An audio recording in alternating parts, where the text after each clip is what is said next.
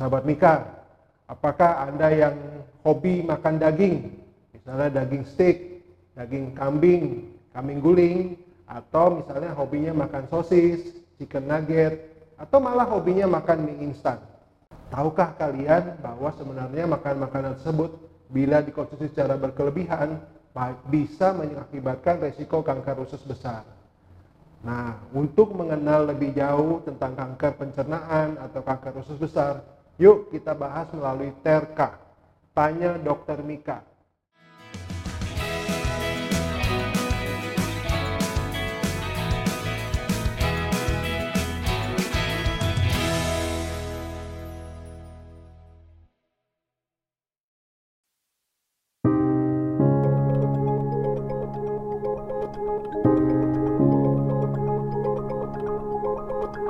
Hai sahabat Mika, salam sehat untuk kita semua. Perkenalkan, nama saya Dr. Raymond Sebastian Purwanta, spesialis penyakit dalam, konsultan gastroenterologi hepatologi dari Mitra Keluarga Bintaro.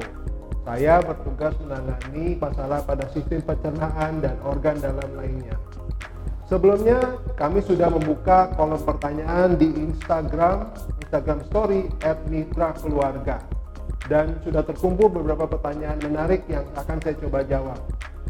Pertanyaan pertama datang dari Ed Mariana Sitanggan. Gejala kanker usus besar apa aja dok? Lantas bisa tidak untuk disembuhkan? Nah, gejala kanker besar sebenarnya bermacam-macam. Dapat berupa nyeri perut, berupa perubahan BAB, orangnya jadi sering diare, atau malah sering sembelit. Bisa juga perubahan bentuk tinja, misalnya kotorannya seperti kotoran kambing atau tinjanya berbentuk seperti pita atau pensil yang kecil. Kadang-kadang pasien juga datang dengan BAB berdarah atau BAB-nya tidak tuntas atau malah anemia, kekurangan darah merah. Pasien juga kadang-kadang bisa datang dengan cuma penurunan berat badan tanpa penyebab yang jelas loh. Oleh sebab itu, bila kita ada gejala-gejala tersebut, kita harus waspada karena sebenarnya kanker usus besar itu bisa ditemukan kalau misalnya pada stadium awal akan lebih baik.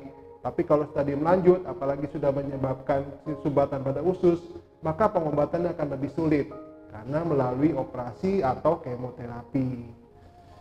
Nah, kita lanjut ya. Sekarang kita lanjut ke pertanyaan kedua.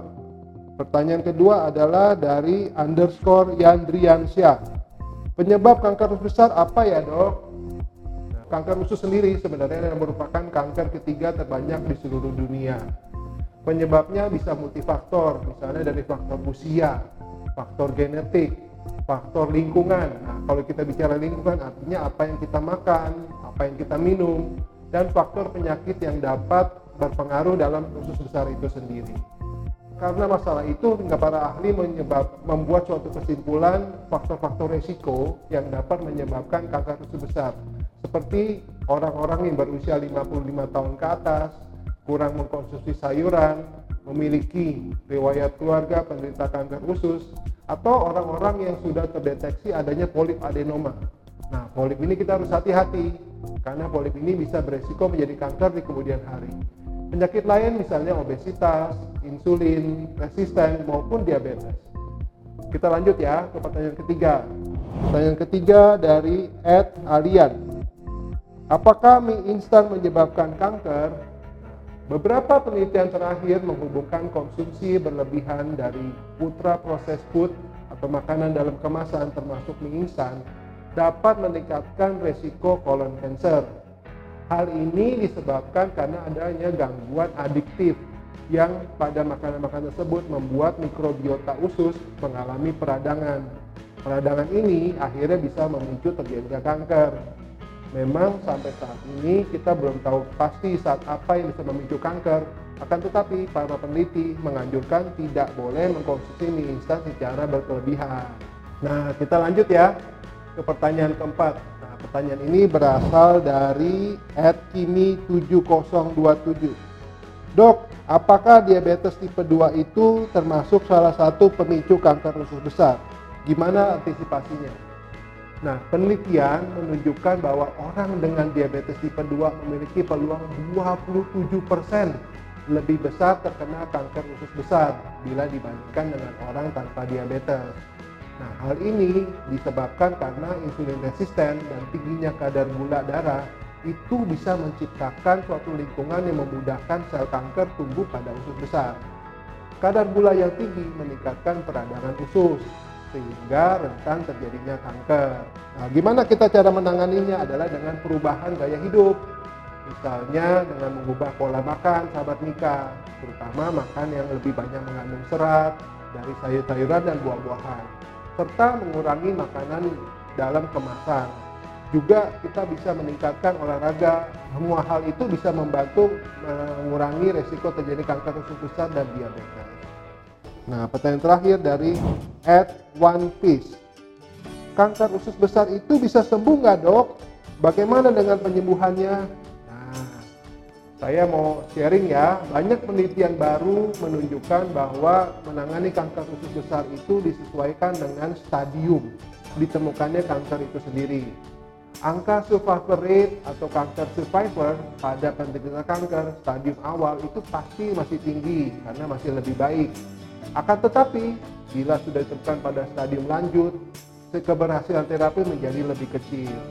Terapi itu biasanya dilakukan dengan kombinasi antara operasi dan kemoterapi. Kita mempunyai prinsip, mencegah lebih baik daripada mengobati. Itu merupakan hal penting untuk dalam penanganan kanker usus besar ini.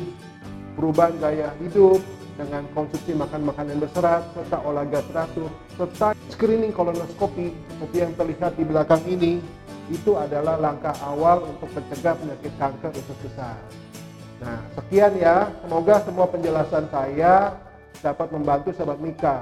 Bila sahabat Mika masih punya keluhan tentang kesehatan, sahabat Mika bisa memberikan pada kami pertanyaan di kolom komentar. Lalu pertanyaan terpilih nanti akan dijawab pada video terka. Terima kasih, sampai jumpa semuanya.